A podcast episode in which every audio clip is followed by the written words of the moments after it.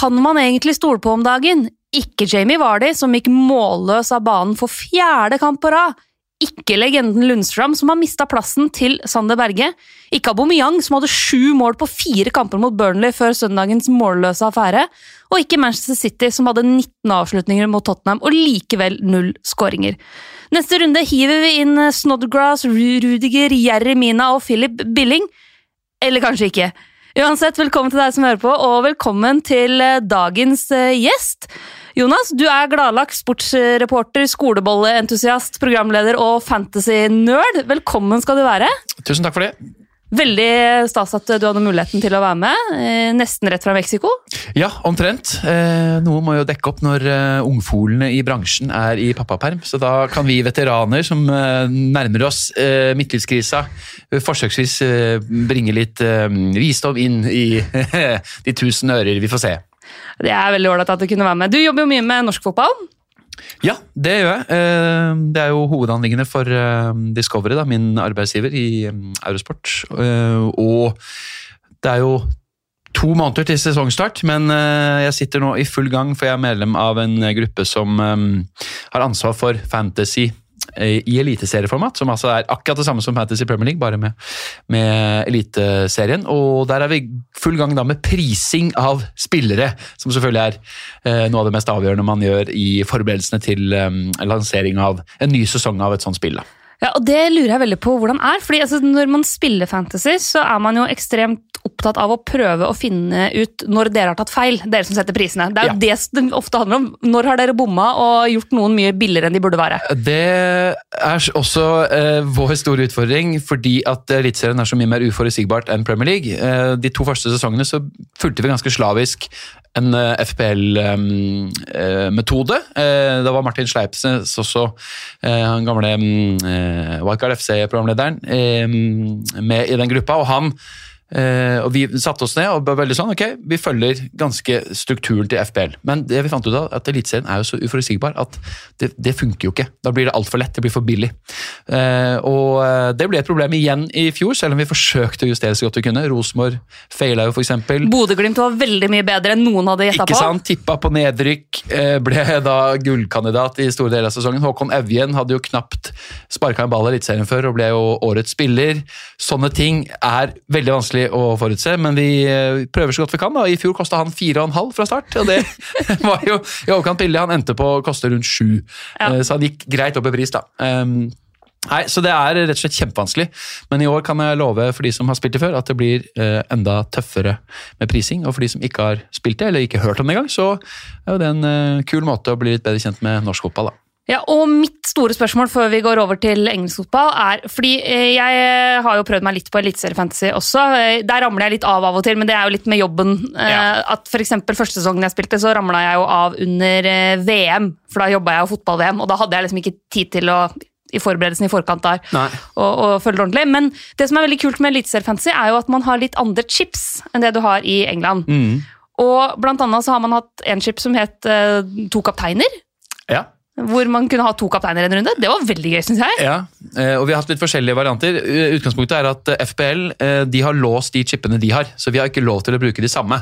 Vi kan lage varianter av det samme, men det må la seg løse teknisk, som ofte er en baug. At spillutvikleren sier det får vi ikke til. Og så må vi da bare være kreative og finne på andre kule måter å, å ha chips. da. Så to kapteiner igjen. Tre, uh, altså alle spissene er kapteiner. altså Spissrush har vi hatt nå, med bra suksess. Og så hadde vi en fryktelig eh, sterk chip som het eh, Parker i bussen. Veldig Mourinho-inspirert, og som også fikk en del omtale i nerdefantasy-sider i England, for vi har en del hundre spillere mm, der borte også. Eh, men den viser seg å være kanskje nesten litt for kraftig. Ja, for da fikk man eh, dobbeltpoeng på alle forsvarsspillerne. Ja, så det, det var eh, I en runde da med dobbel så ble det eh, voldsom utslag. Særlig da Brann var veldig solid og skåra i tillegg en del mål fra forsvarsrekka. Sånn, så da, da, ble det, da plutselig så tapte de som ikke hadde brukt chipen, 100 poeng ja. en runde, og det ble nesten for mye. Ja. Jeg må også si at eh, En annen av mine favoritter, favoritt favorittchipper som har dukka opp på Breddefantasy Innlandet, var jo den som het Rullegardin. Hvor det var noen poeng for gule og røde kort. Det syns jeg er veldig veldig morsomt. Og jeg, er, jeg er litt lei av benchboost, på en måte. Ja. Og triple captain, som mange Ja, og fordi, Nå har FBL vært veldig stabile og stått med de chipene jeg har hatt en stund. Jeg tenker jo Det kan være kult om de prøver å tenke litt nytt til neste sesong. da. Mm. Det får vi se om de gjør. fordi Når vi har drodla dette her, så har vi bedt om innspill fra spillerne og Ja. Folk der ute, og det kommer utrolig mange kule ideer. Eh, dessverre så er det en del som ikke lar seg gjennomføre, fordi spillet må på en måte, det, må være veldig automatisert, sånn at når du trykker på en knapp, så er chipen aktivert. At ikke spillet må begynne å tenke sjøl hva du faktisk har tenkt. da. Så der har vi møtt på veggen noen ganger på veldig artige chips, men, eh, men eh, likevel er det en veldig kul eh, jobb, da. Det blir veldig spennende å følge med på. Vi må finne ut litt også hva slags type fantasyspiller du er. Og vi pleier å spørre folk om, om de spiller med hodet eller hjertet. Er du en romantiker eller en analytiker? 100% hode. Ja, ikke Ja. noe hjerte. Nei. Jeg hadde en veldig god rekke med plasseringer overall i mange år, og så var det et par år hvor jeg gikk skikkelig på rattata fordi jeg klarte ikke å forholde meg til Alexis Sanchez. Han ble på en måte den store eh, nemesisen min, og det gikk jo utover Arsenal-entusiasmen eh, min. Og jeg som eh, hardbarka Arsenal-supporter, så syns jeg det var veldig kjipt å sitte og se på han skåre hat trick og bare grave meg ned. Så etter det så bestemte jeg meg bare for å legge vekk alt av følelser i spillet. Eh, og siden jeg har jo Arsenal også vært ganske dårlige, så det har ikke vært så veldig mange aktuelle Arsenal-spillere å ha på laget. Så det er kanskje det som har gjort det enda lettere da, å være uh, kun, uh, kun en hodespiller og ikke en hjertespiller. Ja. Så må også finne ut litt hvordan du tenker rundt det å spille safe eller å ta sjanser. Og Der har vi fått et eh, litt interessant spørsmål fra Alexander Blix Kvamli på Facebook. Han sier at han er ca. 100 poeng fra de på toppen i miniligaen sin. Han er selv på fjerdeplass med 20 poengs forsprang på de bak seg. Han har vært i topp fire-kampen hele sesongen, men hver eneste gang han prøver å diffe for å ta igjen de over, så feiler han og havner bare enda lenger bak. Ja. Er tida inne for å gi opp håpet om topp to og bare fokusere på å holde plassen ved å gå safe resten av sesongen, eller skal man fortsette å prøve å ta sjanser, eventuelt hits? Han har sin beste sesong på fem år, altså, så uansett så er han jo happy. Ok. Um, I utgangspunktet så er jo den gamle, kjedelige revleggeren uh, ha de spillerne på laget ditt som du tror tar flest poeng. Ja. Men i og med at sesongen i år har vært eh, litt spesiell, det er jo veldig mange av de såkalt erfarne spillerne med gode CV som har slitt, så er det jo, det tyder jo det på at denne sesongen kanskje har vært litt uforutsigbar. Det har vært en litt rar sesong, i og med at eh, Liverpool har gjort som de har gjort, og resten egentlig har vært veldig vanskelig å, å spå. Så jeg tenker at eh, han absolutt bør kunne tørre å diffe lite grann. Det vil være ganske mange spillere som er relativt mye eid han ikke kan ha. Sånn er det for alle. Uh, Utfordringa nå syns jeg har vært at tålmodighet med gamle kanoner har jo tidvis eh, ikke lønt seg i det hele tatt. Eh, det har vært, eh, apropos det du spør om eh, i starten der, om jeg, man, jeg har bestemt meg i år for å være ganske tålmodig og ikke kaste meg fra premiumspiller til premiumspiller og satt med Salah og Stirling altfor lenge f.eks. Mm. og tapte masse terreng på det. Mens andre lavere lavere av spillere gjorde det bra. Og Den muligheten ligger der fortsatt. Det, er jo, det, er litt sånn, det er ikke så veldig utfordringer med budsjettet nå, og det gjør også at du har litt større handlingsrom, syns jeg. da. Um, og når folk gikk inn i januar og lå på én million til plass, og tok inn Aguero og cappa han konsekvent, så har plutselig folk eh, klatra 950 000 plasser nesten bare pga. Aguero. Og å være den som treffer på en sånn en nå inn i februar-mars, vil jo eh, definitivt kunne gi deg det samme boostet, men da må du tørre da, å prøve å se hvem er hvem har den mulige oppsiden som kan bli så stor, og det er jo kjempevanskelig. Um, men det handler jo veldig mye om å cappe den diffen også, for å virkelig få utbetaling. Og så har du kanskje Salah og De Brøne og sånn fortsatt, men de får en toer eller en firer. Mange har cappa dem, så kan du stikke av med 30-40 poeng på en som veldig få har. da. Og det er, jo, det er jo veldig veldig frustrerende når man har på en måte lagt et godt resonnement og landa på en løsning man syns er god, og bommer på det, mens man andre ganger kun følger magefølelsen og treffer. Altså Jeg hadde en sånn magefølelserunde nå. Eh, Kappa Sala, det er jo for så vidt greit nok. Satt med Mané og Vardi. Vurderte å ta minus fire for å få inn Aguero, og noe litt billigere på Mané-plassen. Mhm. Droppa det, og gikk for et, et enkelt bytte. Mané til Hong Min Son. Ja. Så vi må fortsatt ha eid av 9,1% Men sånn, sånn hodet mitt sa ok, skal, vi, skal man ta inn Hong-Min Son før de skal møte Manchester City, en kamp hvor Mourinho sannsynligvis kommer til å parkere bussen. Så hodet sa det er kanskje ikke så lurt. Men magefølelsen sa jo, Mm. det her føles riktig. Andre ganger har jeg bomma enormt på akkurat samme varianter, og mange bomma jo denne runden her, med Aguero, med, med Aubameyang. Ja, altså, man, jeg så en tweet med oversikt over de 20 spillerne som hadde størst forventning til å score denne runden. Det var jo én som scora, Mm. og det var sånn. Ja. Så, det er det vanskelig denne sesongen her. Men um, dette, du kunne også virkelig ha truffet blink hvis du hadde tatt en minus fire for Aguero inn. For han kunne jo satt, stått med to pluss én Mm. eh, etter den neste to målene målgivende på å bli felt. Han, så eh, der kunne du fått enda mer eh, boost. Men jeg satt med akkurat samme dilemma sjøl for denne runden. og visste jo egentlig at Mané ikke kom til å bli klar. Så tenkte jeg at han er så fristende i de neste kampene. Eh, Jeg har lyst til å selge det brødene til sånn når City nærmer seg både blanks og eh, tøffere program. Og Så får jeg heller vente litt og håpe at sånn ikke eksploderer. For jeg satt litt med samme analysen. Jeg trodde City eh, kom til å være det klart beste laget, og det var de. Helt fram til Zichenko eh, dreit seg ut. Eller om det var Mares, eller hvem som skal få skylda for det røde kortet til, eh, til Zichenko. Så det er jo litt flyt at eh, Tottenham da på de to første sjansene sine etter det røde skårer, syns jeg. Så de som hadde sånn, fikk jo veldig godt betalt, egentlig. Ja. men jeg angrer jo litt på at jeg da kanskje ikke gjorde Mané til sånn, og jeg vurderte, og så eh, var de til Aguero for minus fire. Akkurat samme dilemma. Mm. og sånn sett i ettertid så burde man kanskje gjort det ut fra hvordan spillets sjanse var, men jeg slapp relativt billig av. Og så tenker jeg nå at jeg har Mané forhåpentligvis da klar til bortekampen mot Norwich, og han plutselig er blitt en diff. Eh, Han har høy andel totalt sett i spillet, men veldig mange konkurrentene og vennene mine har solgt han. Så mm, det gjør jo at man kan håpe på at han plutselig kan levere en 16-poenger som ikke så mange andre har. Og da er man jo plutselig ganske mange plasser opp på både både Ja. miniligaer og generell eh, ranking. Men Son på Villa Park kan jo fort få masse poeng, han også. Det er en veldig fin kamp, så det, det, jeg syns det er veldig vrient, det dilemmaet der. Det er det absolutt. Vi var litt inne på hvem som har fått godt og dårlig betalt, så da passer det egentlig å ta turen inn i nerdhjørnet. Åtte skudd på mål. 22 sjanser skapt. Heatmaps. 10 000 touch innafor 16. Minas nerdehjørne. Først bare de overordna tallene fra runde 25, som vi akkurat er ferdig med. Poengkongen det ble jo, som alle har fått med seg, Snodgrass. Eh, Det gjør ikke noe at Westham gir fra seg ledelsen. Det er eh, Snodgrass som virkelig gjelder. Og for de, de av dere der ute som tok inn Snodgrass i en dobbeltrunde til Westham Altså, jeg tar av meg hatten og bøye meg i støvet og absolutt alt. Det er helt, helt nydelig, og det er ingen grunn til å selge han nå.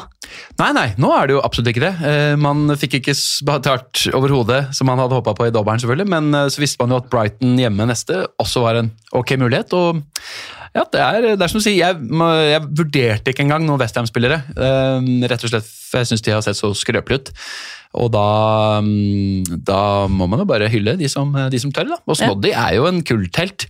Jeg husker, Dette er en avsporing, men eh, jeg har spilt sånn eh, draft-varianten eh, før det ble draft i spillet. Altså Ja. sånn Den muligheten hvor man, ikke, man spiller i ligaen med, spillere, mm, med konkurrenter, og så kan man ikke ha den samme, samme spilleren. sant? Og Da lagde vi det sjøl i et Excel-skjema og satt og trakk veldig nerd og fint. ja, veldig nerd og veldig deilig.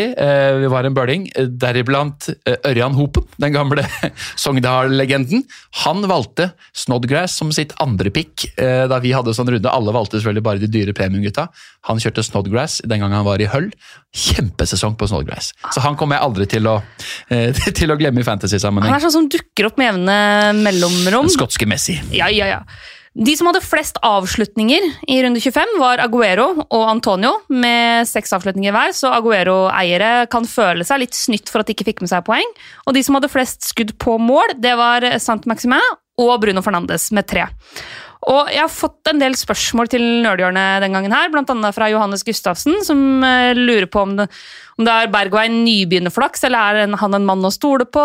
Per Christian Eggen Mjøs eh, vil gjerne ha litt eh, tall på Bergwijn i nerdhjørnet. Var det helt tilfeldig, eller er det noe å gå for? Og så er det også flere som lurer på andre nysigneringer. Bruno Fernandes, Samatta. Så jeg tenkte å bare dykke litt i det og se på okay, hva var det egentlig de tre nye gutta da leverte i første kamp. Bergwijn, Bruno Fernandes og Samatta, Aston Villas nye mann på topp, og en av mine personlige favoritter fra Europaligaen. Det må jeg bare si. Jeg er veldig veldig glad i Mbana Samatta. Ja, Og gøy at Tanzania endelig får markert seg Altså, i Premier League. han er jo den beste spilleren fra Tanzania noensinne. Det er ikke tvil engang, så det er veldig gøy. Eh, Skal ikke så mye til.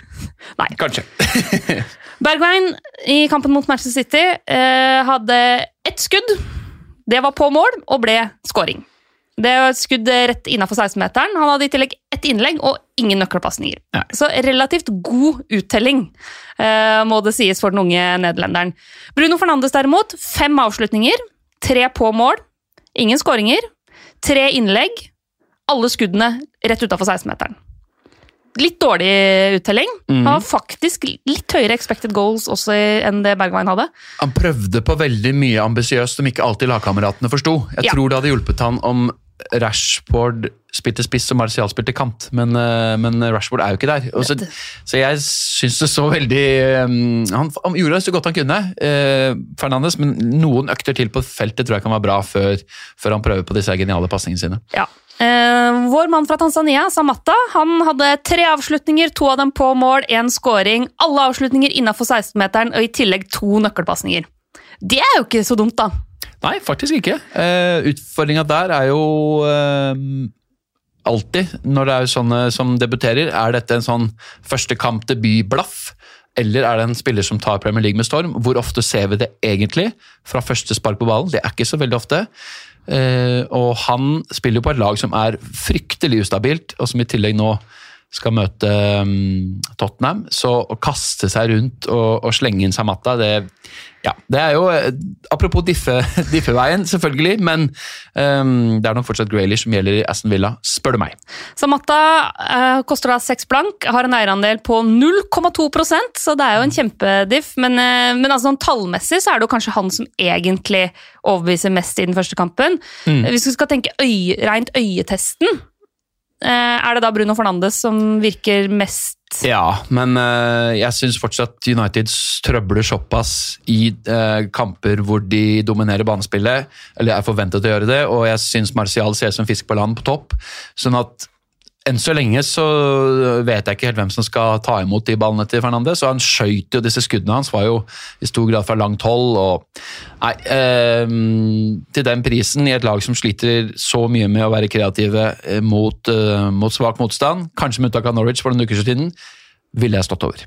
Hva med Bergwijn, da? Tottenhams nye gullgutt? Ja, nei, nei foreløpig der òg. Jeg syns han var temmelig usynlig. Riktignok mot et veldig godt lag. Kan endre seg allerede. og Han kan manke inn to mål han, på Villa Park, men um, det er klart Heng min sånn for min del fortsatt, hvis man skal gå Spurs. Jeg er helt enig. Og igjen, altså han, den skåringa til Bergwijn er fantastisk. Det er enormt imponerende. Både kombinasjonen av timing og kraft og presisjon og teknikk i den skåringa er fantastisk bra. Men han skårer jo da med den, den ene avslutninga han har i løpet av kampen. Tottenham har totalt tre avslutninger og skårer Ja. to mål. Det er vanvittig god uttelling.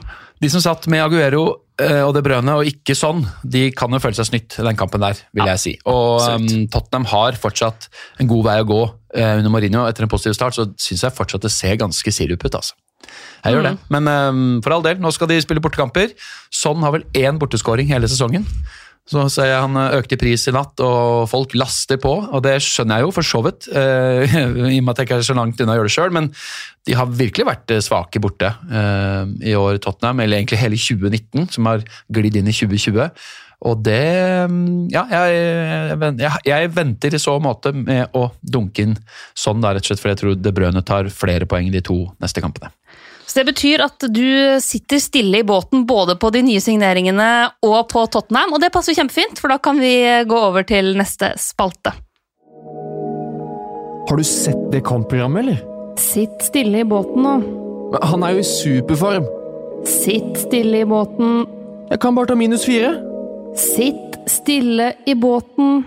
Yes, Vi har vært innom et par spillere allerede, men en av de vi har fått flest spørsmål om denne runden, her, det er jo legenden Lundstram. Eh, Martin Olsnes som lurer på om det er på tide å kvitte seg med lord Lundstram. Hvem i all verden skal inn? Fredrik Asmaro trenger forslag til forsvarere under fem blank. Alternativer til Lundstram, eh, Kelly og Sujonsju. Så eh, vi får starte her. Har du Lundstrand på laget ditt? Ja, det er klart jeg har det. Ja, det har vi alle. Som alle andre som har spilt dette spillet um, i år, så har jeg det. Og det er, um, det er jo litt trist å se at han nå først mister plassen til uh, Besic, og deretter nå uh, Sander Berge, som uh, jo like fullt var veldig hyggelig sett med norske øyne, selvfølgelig, og at han uh, kommer godt fra det i debuten sin. Man må si det var veldig overraskende at at han blir slengt utpå fra start etter knapt å ha fått et par økter med laget. Men det er Sander Burge, vet du. It's. Sander Birch. Og den låta! Og den uh, avslutninga i hjørnet på en av de gøyeste banene å være eh, fotballsupporter på. Og, eh, og vinne, og alt egentlig. Så da Sander Berge går bort der og smiler fra øre til øre og er tatt imot av fansen, selvfølgelig med enorme forventninger. Den største signeringa til Sheffield United på 40 år, eller hva de snakker om. Så eh, ja, kjempebra. Men for oss som eier Lundstrøm Kjempedumt. for nå er han ikke bare bak eh, Besic, men kanskje også bak Berge. og Det kommer jo litt overraskende, eh, fordi eh, han har sett såpass bra ut. Nå har jeg, jeg har ikke sett alt av Sheffield United, men han har kanskje hatt en litt dalende formkurve. I tillegg til denne kontraktsutfordringa med at han bare har fem måneder igjen nå. Som gjør at eh, det vil heller ingenting som tyder på at han er snarlig på vei tilbake. Og Det er utrolig kjedelig timing, da, for nå har jo Sheffield United hatt noen fine kamper eh, på papiret. Fått noen nuller. Han har ikke fått være med nå sist. Og hjemme mot Bournemouth hadde det selvfølgelig vært klink i elver. Jeg valgte å benke han sist, fordi jeg var ganske trygg på at han skulle starte på benk. og Han er en fyr som kommer inn og får det ene poenget. Noen spillere når de starter på benk, kommer jo nesten aldri inn. og Da er det litt lettere å, å starte med dem med sjanse. Men nå spørs det om ikke Lundstrøm er ferdig. Heldigvis da, så er det jo en del lag som går inn i et veldig ålreit program. Inklusive for så vidt Sheffield United, selv om de har blank i 28 og sannsynligvis i 31. Men både mm, Wolverhampton og Southampton og til en viss grad Burnley, som også allerede har bekreftet kamp i, i runde 31, er lag med ok billige alternativer som, som leverer i 90 minutter og, og clean sheets eh, tidvis. Så det fins en del eh, varianter, syns jeg. Og altså, jeg tror kommer nok sannsynligvis til å selge Lundstrøm den runden her, tror jeg. Eh, og den spilleren jeg egentlig har hatt planer om å ta inn eh, da hele veien, har jo vært Lacelle. Lascelles. Ja, Ja, i- Fordi han er så billig. Mm. Eh, og Newcastle er fortsatt et lag som eh, kan mure igjen. Nå spiller de jo fem bak. Ja. Og det gjør det jo ikke mindre fristende for min del å gå for han. Og han, på grunn av skaden så koster han 4,2. Men skal du dytte inn han da til bortekamp mot Arsenal? Jeg trenger jo ikke spille inn i den kampen, men Nei. jeg kan jo få han inn. fordi etter Arsenal-kampen så har jo Newcastle, Crystal Palace, Burnley, Southampton, Sheffield United, Aston Villa, Bournemouth og Westham. Ja, Så det er, jo en veldig fin rekke der.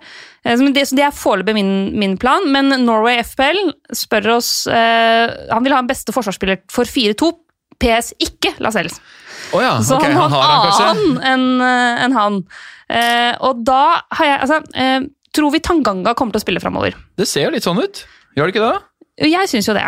Og, Og han har vært god, syns jeg. Ja, Han har vært kjempegod. Så eh, hvorfor ikke? Og det er jo en veldig billig vei inn til Tottenham. Han har jo eh, egentlig ikke vært så veldig snakka om i de miljøene som jeg diskuterer fantasy med. Han koster 4-0. Ja. Eh, har nå altså, jeg, jeg vet ikke Da han ble benka mot Nor eller da han ikke fikk spille mot Norwich Litt usikker på hva som var eh, vurderinga bak der.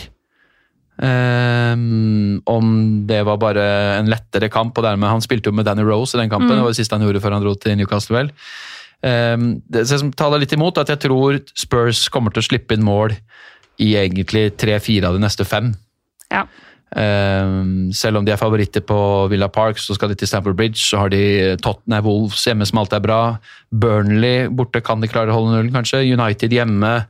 United på kontra der. Jeg syns den er den eneste som taler imot, men klart for hun spiller til 4-0, så er det begrensa hvor mye du kan forvente og kreve av poeng. Mm. Og Burnley var du også innom. Det er jo et par av Burnley-gutta som også er helt nede der. Det er jo sånn som for eksempel Charlie Taylor, Ja. som jo Ehm, spiller nå. Ja, det virker ganske trygt at han skal spille. Eh, han har gjort det over tid nå, og han koster 4-2. Jeg sitter med Pope, eh, og litt usikker på hva jeg gjør med dobling i så måte. Syns ikke det frister så veldig. Ehm, men eh, programmet er jo helt overkommelig, og de har hjemmekamp bekrefta mot Watford i 31, og det er jo et godt sted å sitte kanskje da med et, med et par spillere fra, fra Burnley, så mm, eh, Taylor er jo den første jeg hadde tenkt til å foreslå, hvis du først skal ned i 4-2, da. Mm. Eh, For det er jo, det er jo en, lav, det er en lav sum. Ja. Eh, og nå virker det som Williams i United skal... Ja, for han var jo egentlig førstevalget mitt å ta Ja. inn, men han blei jo benka for Luke Shaw nå mot Wolverhampton. Ja, så det ser litt vrient ut eh, med tanke på han. Um, Ellers så er det jo noe i samme sjiktet rundt, men det er liksom litt opp, da. 4-3-4-4 i Watford og Newcastle og Hallgate, Everton 4-5. Det er jo noen sånne varianter. Men um, de mest fristende, syns jeg, som egentlig direkte erstattere for eh, Lundstrøm, er jo egentlig de som da spiller i Sheffield United. Stevens og Baldock, som også koster 5-1. Um, som da jo er et gap opp, i og med at de fleste vel kjøpte Lundstrøm lenge før han kosta 5-1. Um, men det er de som han er nærmest uh, å skåre mål, og som har bidratt bra offensivt for, for Sheffield United. da. Uh, Stevens var jo nære skåring igjen uh, nå på, på lørdag. Ja, og jeg tror det er Hvis du kan tåle å måtte benke dem i den kampen i runde 28 når de ikke har kamp, Ja. så tror jeg egentlig at det å finne andre alternativer i Sheffield United er en veldig god idé. Altså, det er en, eh, et av ligaens beste forsvar. De har en veldig solid keeper, og de har forsvarsspillere Mm. som får stor frihet når det gjelder det å bli med offensivt. Definitivt. Utfordringen med Sheffield United er at de har blank i 28, og veldig stor sannsynlighet også blanker i 31. Ja. Og da, eh, obs, da blankes eh, Henderson uansett, for det er en kamp mot Manchester United. Det har ikke han lov til å spille. Nei, for han er utlånt derfra. Det som kan skje, da, er jo at eh, det kan bli blank både for Sheffield United og Aston Villa. Da kan de spille sin utsatte kamp fra 28 i 31-uka, potensielt. Her er det veldig eh, Mm. Det mye om det er dersom matte frem. Men mm, hvis du skal se eh, på Sheffield United i så måte, selv om de har fine kamper i 26, 27, 29, 30 som frister, så eh, er det jo litt dumt å kanskje ta inn en erstatter for Lundstrøm som har sannsynligvis eh, ikke kamp i to av de seks neste. Ja.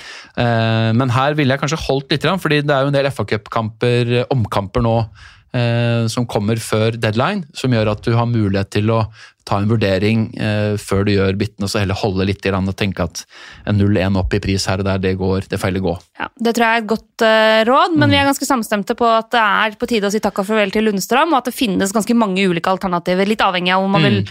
Gå opp eller ned i pris. Jeg ville egentlig helst veldig gjerne hatt en klink uttalelse fra Willier sånn Ja, nå er Lundstrøm altså, Jeg føler ikke at vi har fått det. Eh, Nei.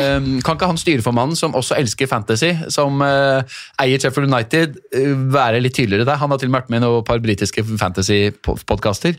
Eh, jeg føler at han også kunne vært med å, å fordele, eller ta ansvar for, for at vi får, eh, får litt mer informasjon, da. Det hadde vært veldig topp, og også om, om Mourinho bare kan si ja, Tanganga er førstevalget mitt framover. Ja, men han synes jeg nesten at hadde programmet vært litt lettere, så syns jeg nesten at det hadde vært en, en punt å ta uansett. da. Ja. Altså, jeg jeg syns fortsatt det er et godt alternativ. Det er en Tottenham-forsvarer til fire blank. Ja, I ganske mange kamper så kommer Tottenham til å være eh, Altså, ja, de har sett shaky ut defensivt, men det er likevel et lag som kan løfte seg når det virkelig gjelder. Ja. Det så man mot City. Eh, Ja, City er bedre enn dem, men likevel så Jeg lar meg imponere av spesielt Tanganga og hvordan de klarer å, å holde unna. Så, og til fire blank, da. Ja, jeg vet Altså, det. Jeg vet, det er, hva forventer man, liksom? Det er, Og det gjør jo at du kan frigjøre, kanskje, for jeg eh, satt jo som kjent og sparte byttet, og sitter med et ganske skrøpelig forsvar. Eh, rett og slett. Det har eh, Kelly som mista plassen, Rico som spiller for et lag som ikke holder nullen, eh, Soyunshu som også spiller for et lag som ikke holder nullen. Så jeg har egentlig hatt, eh, tenkt at jeg skal rydde opp skikkelig bak og gjøre to bytter. Og da ved å gå ned i pris på én og opp i pris på en annen, så kan jeg f.eks.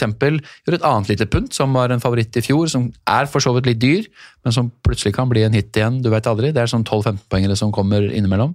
Og det er Matt Dorothy, Ja. eksempel. Eller van Anholt i Palace, som koster 5,5 er tilbake fra skade og alltid er en offensiv trussel. Det det er dyre veier inn i disse forsvarene, men oppsiden er ganske stor, da. og også følge med på Reece James, fordi han burde hatt langt flere målpoeng, fordi innlegget han slår, Mm. er altså så høy kvalitet. Ja, de er eh, uhyre lekre, De holder jo ikke nødvendigvis nullen, de heller, men det å følge litt med på Reece James, det, ja, han er i hvert fall på min blokk. En annen som mange lurer på, er Sadio Mané. Eh, Blant annet altså Martin Wiik sier han har Salah og Mané, en av de må ut. Hvem? Der er jo valget enkelt mellom de to, for det Ja. er en som er skada en som ikke er det. Men Mathias Fosse lurer på, dersom man ikke kvitta seg med Mané forrige runde, Er det innafor å kvitte seg med han denne runden her? Ja, eh, jeg føler deg. Jeg sitter i akkurat samme dilemma. Og mm, Mané-sesongen min har vært en ren katastrofe. Jeg har veksla og vingla mellom Mané og Salah på verst tenkelig vis. Det er egentlig mye av grunnen til at sesongen har vært litt um, medioker for min del. Tar inn Mané til den dobbelen for minus. Det gikk jo ikke all verdens. Og um, valgte å bli stående nå. Uh, rett og slett fordi jeg syns programmet til Liverpool er så bra, og jeg vil ha tre Liverpool. Kunne selvfølgelig gått Robertson eller van Dijk eh, og, og solgt Mané igjen, men jeg føler hvis du har først satt med han, sitter med han nå, tatt et par prisfall Nå er han en diff. Han er faktisk en diff. Selv om han har kjempehøy andel fortsatt, så er Mané-poengene du kan få de neste fire-fem rundene. Jeg tror han er ganske klart tilbake, at han bare fikk et skikkelig avbrekk nå av Klopp fordi han hadde en føling i hamstring. Han har helt vanvittig fysikk, eh, Sadio Mané. Eh, De har Atletico Madrid uka etter, eller påfølgende midtuke etter den Norwich-kampen, men programmet er ikke spesielt tøft som Champions League. kommer ikke hver uke, det er, det er gode pauser. Det er ikke spesielt eh, Akkurat det er ikke spesielt hardt, og de har et veldig flott program, Liverpool. Eh, så jeg eh, tenker at nå er det litt seint, faktisk. Eh, selv om du, hvis du får informasjon før lørdag om at ja, han er usikker, så ville jeg kanskje solgt. Men min følelse nå er at han egentlig er ganske trygt inn i elver eh, om halvannen uke. Så er det også en annen Liverpool-mann som plutselig har meldt seg på. Eller det er to andre. Det er jo Firmino. Men Men Henry.berg på Instagram lurer på hva vi tenker om å få en Henderson. Hvis man allerede har Sala. Ja, nei. Du er, du er skeptisk? Ja. Altså, I utgangspunktet er jeg også skeptisk, men han har skapt tredje flest sjanser på Liverpool de siste seks kampene. Altså, Ja. Det er kun Salah og Firmino som har skapt flere sjanser enn Jordan Henderson. Ja, men um, det er ustabil levering. Det er litt større rotasjonsfare enn både Trent, Robertson, van Dijk, Firmino og Salah. Og han får ikke forsvarspoengene. Uh, Trent har, og Robertson har over tid skapt flere sjanser enn Henderson. De får i tillegg disse clean sheet-poengene. For meg er det en klink nei på Henderson. Klar tale der. Ja. vi skal over til den klubben ditt eh, hjerte banker eh, mest for. Vi har fått veldig mye spørsmål om Arsenal. Det kan jo være fordi folk veit at du er Arsenal-supporter. Ja, og så er det noen ganske fine kamper framover. Det er det, vet du. Så det er mange spørsmål her. eh, Blant annet eh, Ole Moen som lurer på hvem fra Arsenal kan man diffe med, og hvem skal man holde seg langt unna? Vi kan starte der. Ja. Um, Diff er f.eks. Hector Bellerin. Ja. Han har jo vært en eh, flott fantasyspiller før han ble alvorlig skada. Altfor dyr for et lag som holder så lite nullen, det er jeg klar over. Men også en fyr som ved, eh, ved clean sheet, som jo tross alt hender, eh, og eh, offensiv målinvolvering, er en, en sånn 12-15 poengs type spiller. I eh, beste fall, selvfølgelig. Eh, en annen er Martinelli, som jeg var veldig spent på om kom til å starte nå som Aubameyang var tilbake på, på Turf. Det gjorde han, fikk 90 minutter ganske usynlig i en ganske svak kamp av Arsenal eh, i perioder, syns jeg. Det var jo Aubameyang som fikk de største sjansene som han sleiva, sleiva utafor, annet. Eh, men jeg syns det ser ut som Martinelli nå er da faktisk foran PP i, eh, i rekka, og kanskje også en mulighet for å dytte ut en formsvak Lacassette, Aubameyang opp på topp og Martinelli på venstre kant hvis PP kommer inn. Så for 4,6 så er jo Martinelli en en tullete, billig og flott uh, diff. Så det er vel Martinelli og Bellerin er vel de to jeg Ja. Ja. Um, Aubameyang er jo ikke så diff. Han er jo mer det tryggeste valget, tryggest på spilletid, og sannsynligvis også den som får flest poeng i de kampene som, som kommer. Selv om hjemmeformen til Aubameyang i 1920 har vært veldig svak. Han har jo ingen tosifra poengsummer uh, på Emirates denne høsten og vinteren. Men han har jo generelt uh, vært en spiller som har plukka ganske jevnt. Ja. Uh, det er- han, har, han er ikke like eksplosiv som Aguero. Nei, uh, det er han ikke. Men han ikke. spilletiden er tryggere, og han uh, er veldig ofte involvert, spesielt på bortebane når Arsenal skårer. Spørsmålet er jo hva du tenker om kapteinsvalg, fordi når du velger en spiller til opp mot 11 millioner, så må du jo veie opp mot hva er det du går glipp av på andreplasser, for det er jo ganske mange sp billige spisser i, um, i spill som er aktuelle, og som leverer også ganske jevnt. Ings, Jimenez eh, ja, Calvert-Lewin kanskje- har gjort det i perioder. Absolutt. Um, så, så da er jo tanken skal du cappe noe særlig, og jeg tenker jo at sånn som Sala ser ut nå, så er han ganske uh, trygg eh, kapteinsvalg i de ja, egentlig fire av de neste fem. Eh, og da er spørsmålet hvor mye skal du bruke egentlig på en spiller som du ikke skal cappe. Så det mm, ja, det gjelder for så vidt Mané også, da, den diskusjonen, eh, Ja. hvis vi går tilbake dit. Men uh, for meg så handler det veldig mye om hvor, hvordan man fordeler midlene. Og um, sånn sett så ville jeg ja, Hvis jeg lå litt bak, eller ja, jeg gjør jo det sjøl, Aubameyang, ja, nei, jeg ja, det er vanskelig. Det er dritvanskelig. det er kjempevanskelig, men jeg synes jo altså, eh, Blacks understrek Young88 ber oss om å touche litt innpå Martinelli til 4,6. Mm. Og lurer på, fordi han spilte 90 minutter mens Pep forble på benken. Torstein Jacobsen trenger å kvitte seg med, med Ayu, eh, og vil ha en erstatter inn der. Den er jo ikke så dum, da. Så Ayu til Martinelli, ville jeg grei- gjort ja, det da. Ja, definitivt. Og Lars Tørring han lurer litt på hva vi egentlig tenker om den Burnley-kampen, og litt hva, hva viser de underliggende tallene. Og så lurer han på om er det verdt å sitte på Aubameyang. Eh, han også spør om er Martinelli spikra i lagoppstillinga. Lacassette i elendig form. Flytte Aubameyang inn i midten og PP inn på kanten. Mm. For eksempel er det en mulighet å se for seg framover. Og om det kan være en løsning å bytte Auba til Martinelli for å flytte penger over til f.eks. Hongmin Son. Ja, for da løsriver du jo 6,5 million, eh, nesten. Og, um, så, men Arteta virker som han har vært veldig tydelig på at det går an å spille med fire veldig offensive, så lenge de løper og jobber hardt nok. I Øzil, som har fått mye tillit, eh, PP, Aubameyang, Lacassette og, og Martinelli da i hans fravær, så er det PP som er den svakeste faktisk av de defensivt under Arteta. Øzil har jo steppa enda eh, mer opp enn Litt det PP har. Ja, på en måte. Selv om han blir jo huka tidlig på Turfmore når, eh, når ting ikke ser veldig bra ut. eh, Helt, helt greit bytte.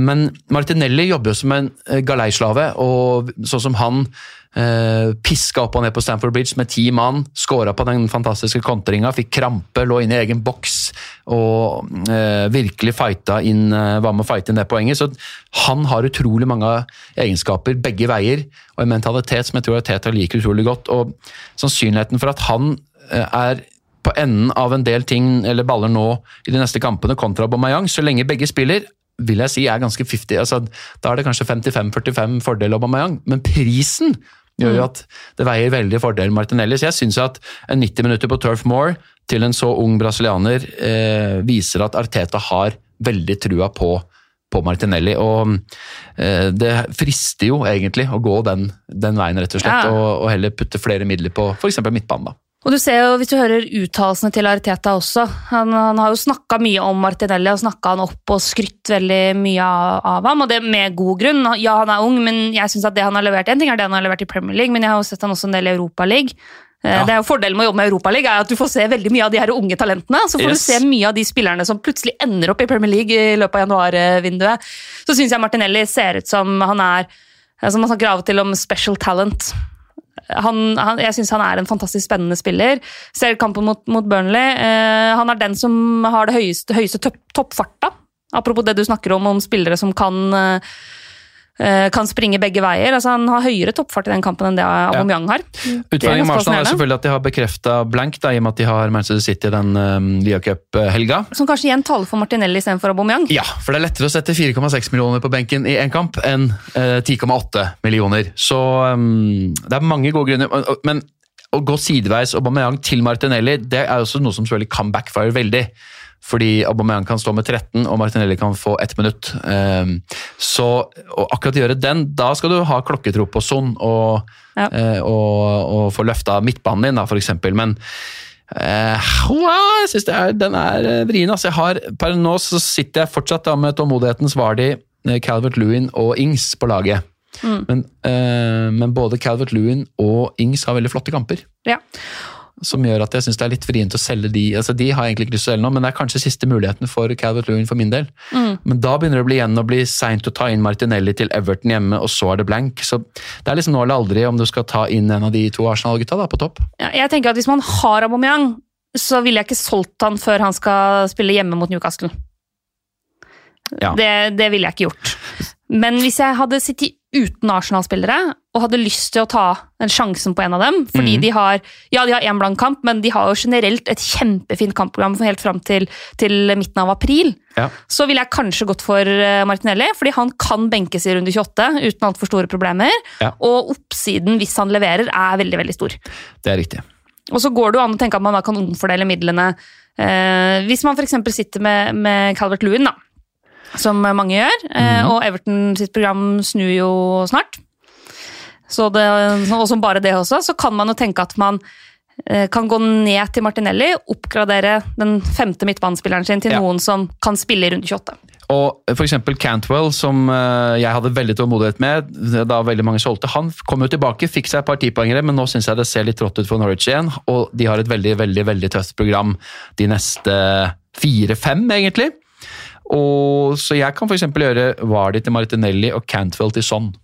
Ja, Gratis. sant?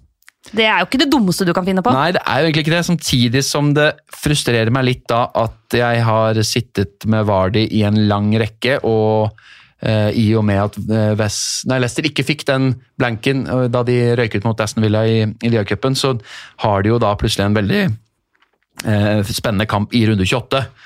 Da begynner en, eh, står man gjennom Vardy de to neste nå, som man eh, egentlig kanskje er for seint at man skulle solgt han for et par runder siden, og så eller se om man kan ta han inn, ja. Fordi fra 28 til 31 så har de altså Norwich, Aston Villa, Watford, Watford og Brighton i en kvartett som jeg syns ser ut som sånn klassisk nå, da kommer Leicester tilbake på hesten igjen. da.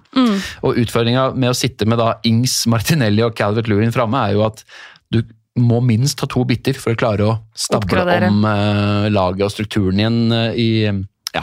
Ja. Så det er problemet. Og da er du egentlig litt inne på et spørsmål som vi fikk fra, har fått fra Birk, som lurer på om han skal kvitte seg med Vardy. Eh, Jeg sitter også med han. Eh, Kristine KKC på Instagram syns det er veldig vanskelig å finne spisser som er verdt pengene for tida. Hvem ville vi tatt inn? Eh, og Lurer på om det er verdt å se på Firmino. Det er det jo. Ja, det er jo fortsatt det. Men det er, jeg- mest, det er mer mål, assist enn mål. Det er det jo. Ja, Men, og tre assist, og ingen bonuspoeng, da, gitt. Altså, Det er litt, eh, må jeg si er litt overraskende, for det første, at han er såpass svak på disse eh, BPS-scoren.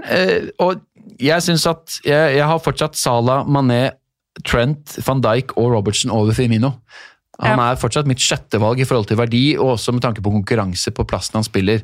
Nå har riktignok eh, det tørka litt inn i akkurat disse to siste rundene hvor han har gjort det bra, så de som punta på han før dobbelen, har jo virkelig truffet, og ære være, men jeg syns fortsatt ikke at Firmino er eh, dit jeg ville gått i Liverpool. nei, og jeg tror jo Jeg tror i likhet med deg at jeg skal holde ut med Jamie Vardy. Mm. og, og la han stå når jeg, når jeg ikke tok han ut til forrige runde. Så tenker jeg litt det, at jeg kan la han stå. Men hvis jeg skulle tatt inn en spiss nå, altså hvem er verdt pengene, så tror jeg fortsatt det er Raúl Jiménez som er Ja. mest bare verdt det han koster. Det er det, og det har vi jo ikke snakka så mye om. Eh, For han har vært Altså, jeg klarte aldri å få helt grep på han forrige sesong, og nå igjen har jeg slitt med å ha han inn og ut, også denne. Ble liksom frustrert over eh, disse her fempoengerne, som han jo tross alt har en litt tendens til å levere, da. Det er sjelden tosifra. Ja, eh, men så er det samtidig veldig frustrerende å se konkurrenter som bare har han og får inn disse fem og sju og ni poengerne eh, med jevne mellomrom. og han er bare en så god fotballspiller, og så tåler han å spille så grusomt mye. Altså Han spiller jo alltid Europaligaen, og nå begynner jo det igjen for, for Wolves. De roterer litt på bekkene og midtbanen og sånn, men han spiller. Og mm, Sånn som Leicester ser ut, og så har de Norwich hjemme 26. De kan fint få til noe bort mot Tottenham, og så har de et strøkent program fra 29 til 32 Wolverhampton. Eller egentlig 33, for det er jo Arsenal hjemme, og det er jo en kjempefin kamp. Um, så ah, det, Jimenez er jo fort en av de som virkelig kan straffe brutalt da, eh, framover. Jeg tror han er øverst på min liste nå på spisser jeg gjerne skulle hatt inn. Jeg solgte han for noen runder siden før den dobbeltrunden for å ha råd til eh, å få inn Sala. Det viste seg å være lurt i og med at jeg trippelcappa Sala i tillegg. Eh, så det, det var jo lurt, men eh, jeg skulle veldig gjerne hatt uh, Jimenez nå. Eh, og for de av dere som ikke orker å vente med Vardi, så er kanskje Jimenez eh, det beste valget inn, eh, hvis man skal ha en ny spiss. Eh, Ola, Ole Tobias lurer på om han skal stille, sitte stille i båten med Danny Ings. Det er min plan. Ja, ja, ja. ja, ja. Det er, ja, ja, ja, ja. Herlighet så nær han er mot Liverpool der. Jeg vet! Folk benka han over en lav sko, og det er så urettferdig at ikke de ble straffa. Ja. Fordi jeg kom altfor seint på Ings. Han har ikke scora siden jeg kjøpte han. Um, så uh, ja. sånn er nå det. Men da er jo det nå det gjelder for Danny Ings. Med, både med tanke på program, hvordan han har sett ut, og jeg syns Southampton bare er dødsimponerende. jeg. Og um, Southampton ja, Riktignok sannsynligvis en blank i 31, men deilig program nå, da. Burnley, Villa, Westham, Newcastle, Norwich. Ja, og altså, Det er ingen Liverpool-spillere som har flere avslutninger i den kampen enn Danny Ings. Altså, han har like mange avslutninger som Mohammed Salah. Fire. Eh, og i tillegg så har han tre såkalte nøkkelpasninger. Han fortsetter å få Han kommer seg til så gode muligheter òg. Altså, når, når Danny Ings skyter, så er det nesten alltid inne i boksen. Og det er alltid forholdsvis store sjanser. Så jeg ser ingen grunn til å selge Danny Ings. Der vil jeg bare stå, nei, ikke. Nei, stå nei, i den. nei. Sitt i båten, ikke finn på å hoppe ut. Eh, nei, virkelig ikke. Uh, og for min del så er det, det altså, Jeg må jo prøve å få noe kapitali, få kapital, kap, kapitalisert Ja. litt grann, på, på han etter noen um, stusslige runder. Men klart, borte mot Leicester der så så han altså så god ut også, så jeg tenkte nå er det Ja, han kommer ikke til å slutte å skåre, eh, sånn som han ser ut. Det har han selvfølgelig gjort. Så jeg har tre blanks på rad, jeg, med Ings. Ja. Um, det, sånn, sånn er det det. Han kommer til å slå tilbake etter. Jeg håper det. Um, Utfordringen er jo når du har sittet en stund med en spiller som ikke har levert, og det å hoppe av på feil tid er jo også veldig uggent. Fordi jeg har en dårlig følelse av å hoppe av jo egentlig. Ja. Um, nei, oh, det, er, det er skikkelig vrient, altså. Rett og slett. Så har vi også fått spørsmål om det er andre Southampton-spillere å satse på. Jeg har lyst til å kaste inn en spiller som vi snakka om i forrige podkast, da vi oppsummerte litt deadline eh, day, også, eller hadde snakket litt om det, og det er Kyle Walker Peters. eh, Som jo ikke var med nå. Han har jo nettopp kommet til klubben. Men de hadde jo Ward Prowse på bekken i den kampen mot Liverpool, så jeg tenker at når Walker Peters blir klar, så kommer han inn i laget og koster 4,4. Det er ikke så helt uh, ueffent, det, altså. Når de, de, jeg tror Swanton har gjort en grei deal der, med å få lånt ut uh, Cedric for en uh, solid slump penger, som uansett var på utgående kontrakt, og så Walker Peters inn. Ja. Um, så både han og, men kanskje også først og fremst Stevens, da, uh, som er, veldig, er en bauta i midtforsvaret der, og som også har en dødballtrussel til 4,4, syns jeg også er en veldig fin uh, spiller å ha. Han har faktisk tre tosifra de siste åtte rundene, Mm. Eh, og det er pent. Det er veldig pent. Eh, Hvor mye tenker du på runde 28 når du planlegger byttene dine nå? For Um, Mange lurer på om man skal liksom drite i runde 28, eh, eller om den bør være i bakhodet eh, når man vurderer hvem man tar inn og ut. Det bør absolutt være i bakhodet. Det kommer litt an på hvordan laget ditt ser ut, men for min del så sitter jeg med Lundstram, som sannsynligvis ikke spiller. Jeg har Kelly, som ikke eh, spiller sannsynligvis. Ward fikk jo egentlig rødt kort i sitt comeback, og det kunne jo åpna for Kelly i tre kamper til. Litt frustrerende at den ble oppheva, syns jeg. Og så har jeg Rico, som ikke holder nullen, men i hvert fall spiller sannsynligvis. Og så har jeg Soyonshu, som jeg ikke har lyst på, som i hvert fall spiller, men som heller ikke holder nullen. Så jeg har eksempel nesten ikke forsvar til runde 28, så jeg er nødt til å tenke på det. Derfor kan ikke jeg erstatte Lundstrøm med en annen Sheffield United-spiller, selv om jeg egentlig har mest lyst til det. Og så har jeg Graylish og De Bruyne.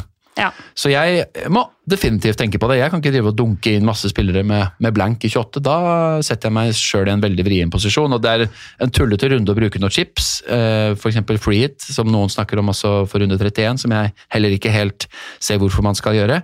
Så eh, jeg må eh, navigere Ja. i aller høyeste grad. Og apropos det, vi får som vanlig mange spørsmål på om det er tida for wildcard. For du har vurdert litt de siste rundene om du skal wildcarde eller ikke. Ja, Men hvor har du landa? Jeg var veldig nære før forrige runde.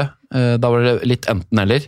Fordi eh, ja, jeg ikke har vært fornøyd og tenker at en tidlig restart av sesongen kan være ok. Egentlig har jeg planlagt å bruke wildcard i runde 32 eller 33 og inn mot disse doble og, og sånn helt på slutten av sesongen.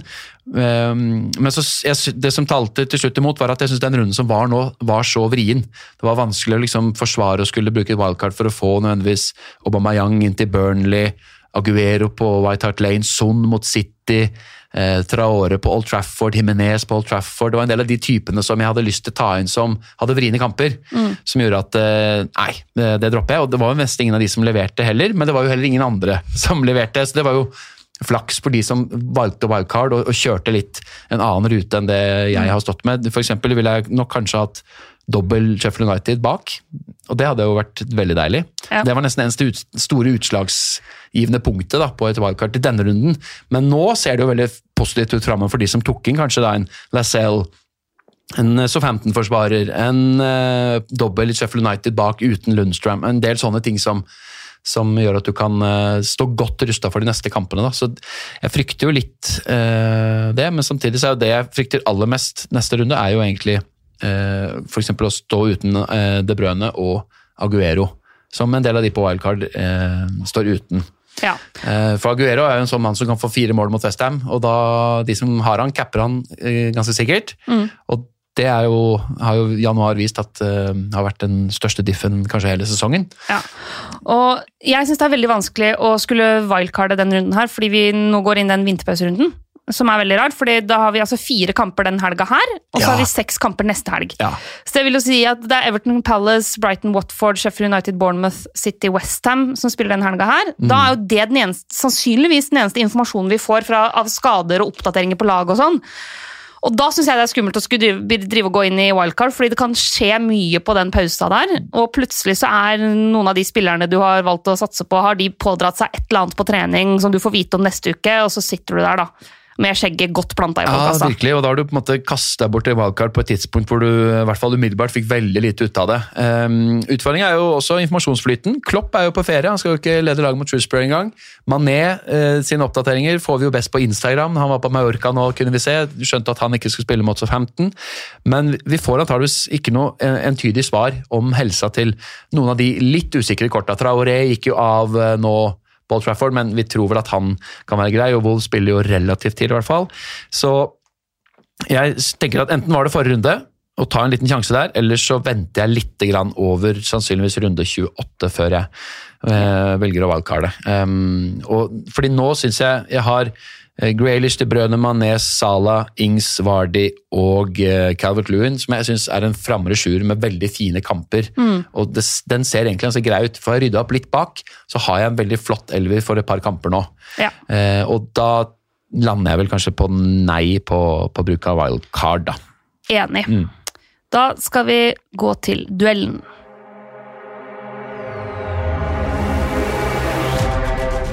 Nei, nei, nei, nei! Nå er du helt på bærtur! Det er jeg helt uenig i. Mener du det? Duellen.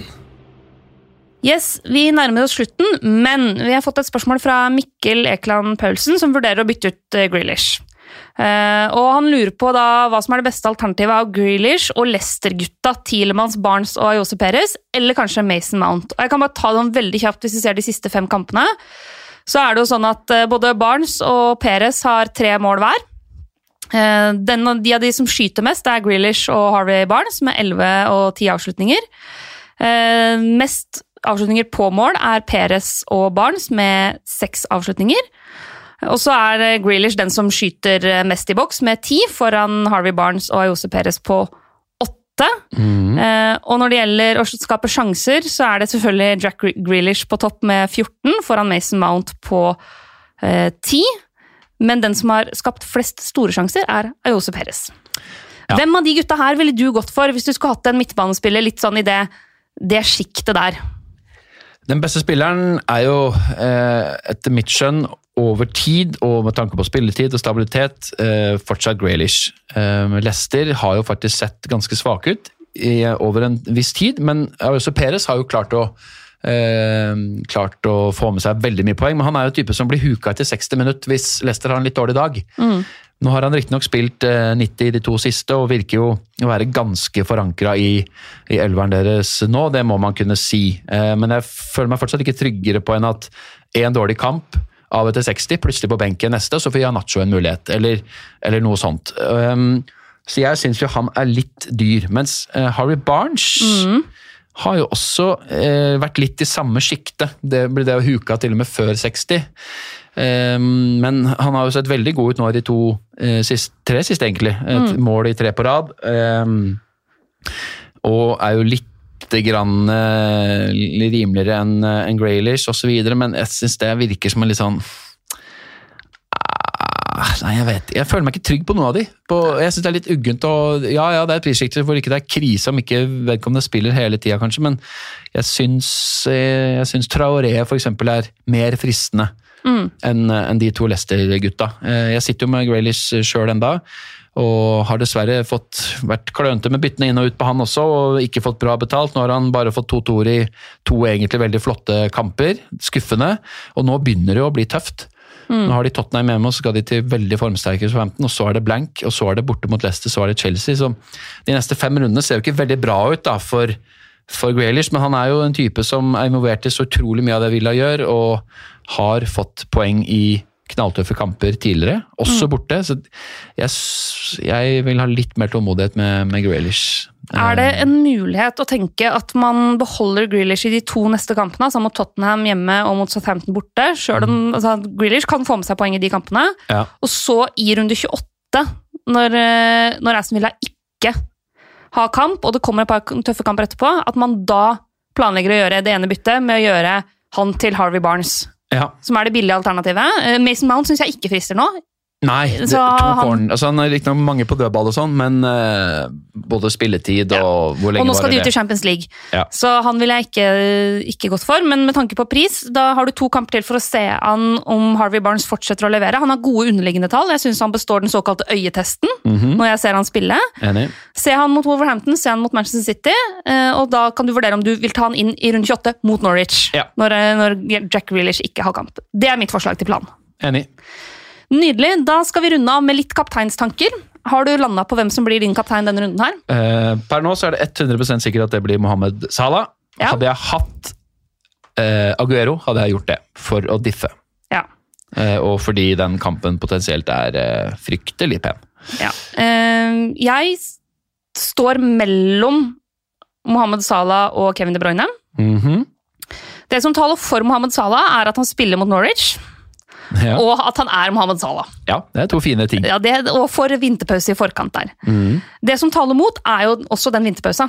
Fordi vi får ikke noe særlig informasjon i forkant, Nei. og at det her er jo rett før de skal ut i Champions League.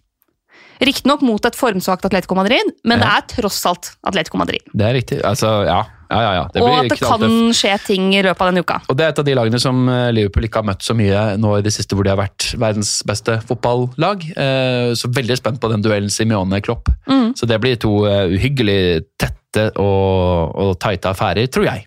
Og så er det det at sånn ting kan skje i løpet av den eh, uka. Vi har jo sett før at eh, spillere blir skada på trening også. Mm. Og det som taler for Kevin De Bruyne, er jo igjen at han, han er jo Kevin De Bruyne.